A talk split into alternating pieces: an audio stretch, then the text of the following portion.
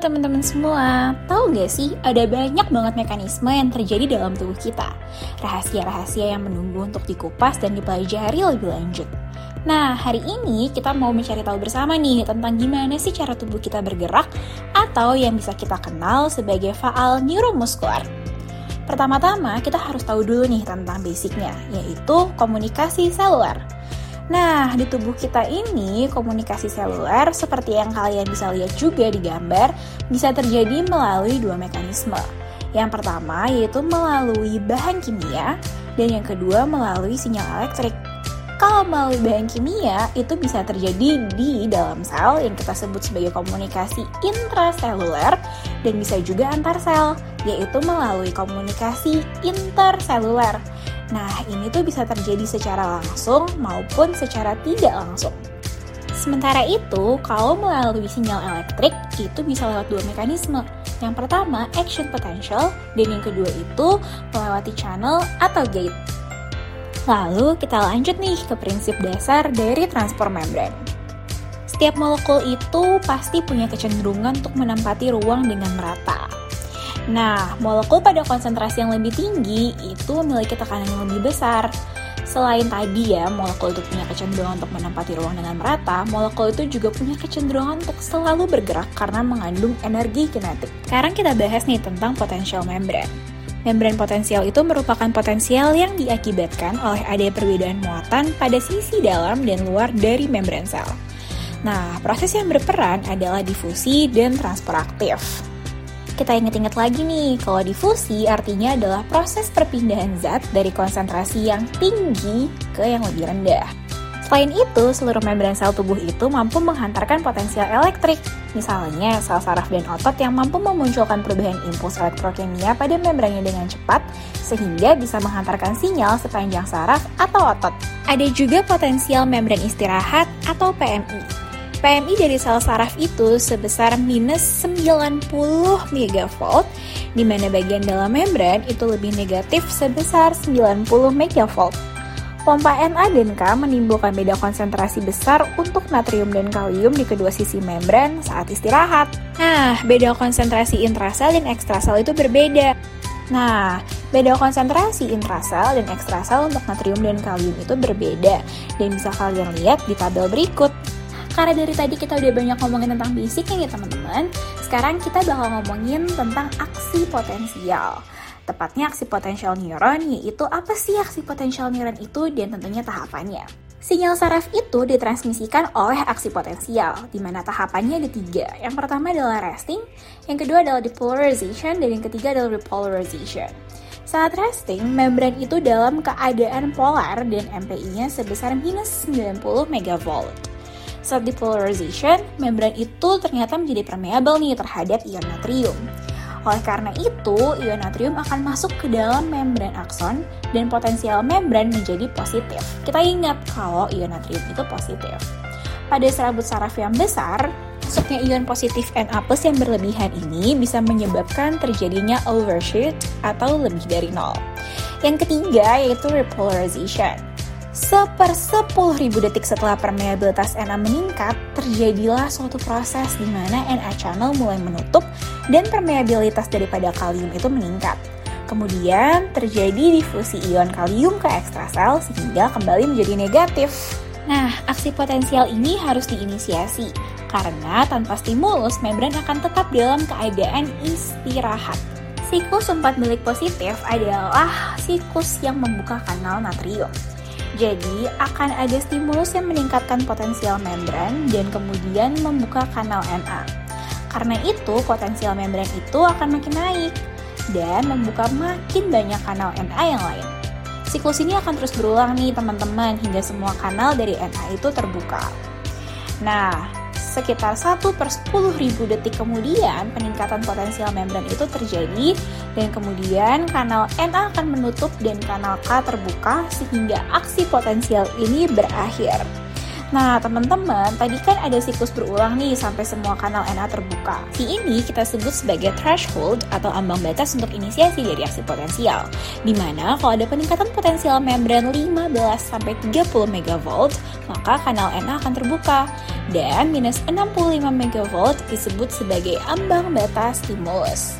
Nah, ada juga nih teman-teman yang kita kenal sebagai hukum all or known di mana sekali terjadi aksi potensial di suatu titik membran, maka proses depolarisasi itu akan tersebar ke seluruh area membran kalau kondisinya tepat tentunya, atau tidak sama sekali. Kalau misalnya pada suatu waktu nih aksi potensial ternyata nggak memenuhi ambang batas voltase untuk menstimulasi membran di sebelahnya, maka penyebaran depolarisasi akan berhenti. Terus gimana dong untuk ngelanjutin penyebaran? Nah, rasio aksi potensial dengan threshold eksitasi harus lebih dari satu yang disebut dengan safety factor. Di aksi potensial, ada suatu keadaan yang kita sebut sebagai pelatu dan terjadi pada otot jantung, serta disebabkan oleh dua macam kanal yang berperan dalam depolarisasi. Yang pertama ada voltage activated natrium channel atau fast channel yang melakukan depolarisasi cepat. Yang kedua, ada voltage activated calcium natrium channel yaitu sebagai slow channel. Pelatu juga bisa disebabkan oleh kemungkinan voltage gated potassium channel yang lambat terbuka. Yang tampak pada grafik tersebut adalah aksi potensial dan fase-fasenya, di mana fase 0 disebut dengan depolarisasi yaitu terbukanya channel natrium, kemudian fase 1 adalah repolarisasi awal yaitu tertutupnya Na channel dan kalium fast channelnya terbuka. Yang kedua itu adalah fase platu di mana kalsium channelnya itu akan terbuka sedangkan kalium fast channelnya akan tertutup. Fase yang ketiga itu adalah repolarisasi cepat, yaitu kalsium channelnya tertutup sedangkan kalium slow channelnya terbuka. Yang terakhir adalah fase 4, yaitu potensial membran istirahat atau PMI. Sekarang kita bakal ngomongin tentang neuromuskularnya. Tentunya kita perlu overview dulu nih teman-teman. Neuromuscular junction adalah daerah pertemuan atau sinaps antara membran sel saraf dan membran otot. Sedangkan muskuler atau otot fungsinya itu adalah memendek atau kontraksi. Nah, kontraksi ini ternyata perlu dirangsang nih oleh syaraf atau neuron di mana tiap akson sebagai bagian dari syaraf tadi bercabang, tiap cabang itu akan mempersarafi satu serabut otot. Pada akhir cabang, akson itu akan kehilangan selubung mielin dan berhubungan dengan motor end plate. Selanjutnya ada taut neuromuskular, di mana transmisi impuls dari serabut saraf terminal menuju serabut otot skeletal. Potensial aksi yang terjadi di serabut otot ini akan diawali oleh sinyal yang menjalar di sepanjang serabut saraf. Jadi alurnya adalah dari akson terminalis, kemudian sinyal itu akan menuju ke neuromuscular junction, tepatnya di motor end plate, dan selanjutnya akan disalurkan ke serabut otot. Bagian-bagian dari neuromuscular junction itu ada tiga. Yang pertama adalah synaptic gutter atau palung sinaps yang terdiri atas mitokondria penghasil ATP, di mana ATP ini akan digunakan untuk produksi asetilkolin di sitoplasma, kemudian disimpan dalam vesikel. Selanjutnya ada synaptic cleft atau celah sinaps di mana di sini ada enzim asetilkolin esterase yang fungsinya adalah memecah ACH tadi. Yang terakhir adalah subneural cleft atau celah subneural yang gunanya adalah untuk memperluas permukaan kerja dari asetilkolin yang tadi dihasilkan dengan bantuan ATP. Oke teman-teman, sekarang kita lanjut ya ke transmisi impuls dari saraf ke otot. Otot skeletal kita ini, kalau teman-teman belum tahu ya, dinervasi oleh serabut saraf bermialin yang berasal dari neuron motoris ukuran besar yang berasal dari medula spinalis. Semua serat otot yang dipersarafi oleh satu serat saraf disebut sebagai unit motorik. Kemudian, gimana sih kontraksi otot skeletal ini terjadi? Kontraksi otot ini mengikuti hukum all or known, di mana rangsangan melebihi ambang rangsang itu baru bisa muncul kontraksi. Kalau misalnya belum melebihi ambang, ya artinya kontraksi itu nggak terjadi. Kalau muscle twitch itu adalah kontraksi tunggal yang timbul kurang dari satu detik. Sedangkan muscle tone adalah saat istirahat untuk menjaga postur dan diperankan oleh neuron motorik gamma. Nah, terakhir banget ya teman-teman, sekarang kita bakal bahas tentang mekanisme kontraksi dari otot skeletal.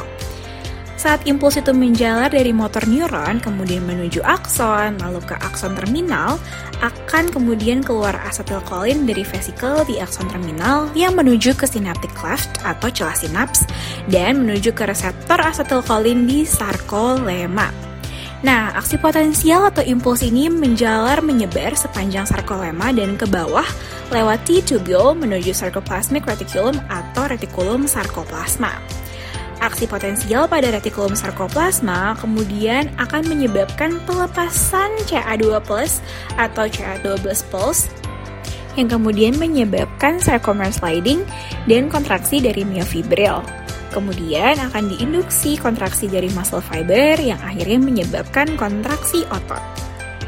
Ion CH2 plus yang keluar akan berikatan dengan troponin. Kemudian tropomyosin ini akan bergeser, maka myosin binding sites atau bagian dari aktin akan terekspos. Hal ini kemudian menyebabkan kepala myosin filament menempel pada myosin binding sites dan membentuk cross bridge. Kepala myosin ini ternyata berfungsi sebagai ATPase, di mana fungsinya adalah merubah ATP menjadi ADP dan P untuk energi menempel. Kalau udah nggak ada lagi nih aksi potensial, CA2 plus ini akan diuptake kembali ke sarcoplasmic reticulum karena memang sudah tidak digunakan lagi. Dan CA2 plus pump butuh ATP. Tanpa CA2 plus, tropomyosin akan bergeser ke posisi semula, yaitu myosin binding site yang tadinya terbuka nih teman-teman akan tertutup kembali. Kemudian, myosin akan kembali ke posisi istirahat dan otot kembali relaksasi. Gimana nih teman-teman? Udah lebih paham belum ya? Semoga apa yang kita pelajari bareng-bareng ini bisa bermanfaat dan bisa menjawab juga nih soal kekepoan teman-teman tentang fungsi fisiologis dari tubuh kita. Sekian dari aku dan mau ingetin teman-teman juga kalau mau ngetes pengetahuannya bisa banget nih akses IG story at hmpd underscore fkub dan jawabin soal-soal terkait faal neuromuskular. Selain itu, teman-teman juga bisa lihat pembahasan dari soal-soal yang udah teman-teman jawab biar bisa makin ngerti. Kalau teman-teman mau replay ulang podcastnya juga bisa banget. Dan semoga makin paham ya teman-teman. Sampai jumpa!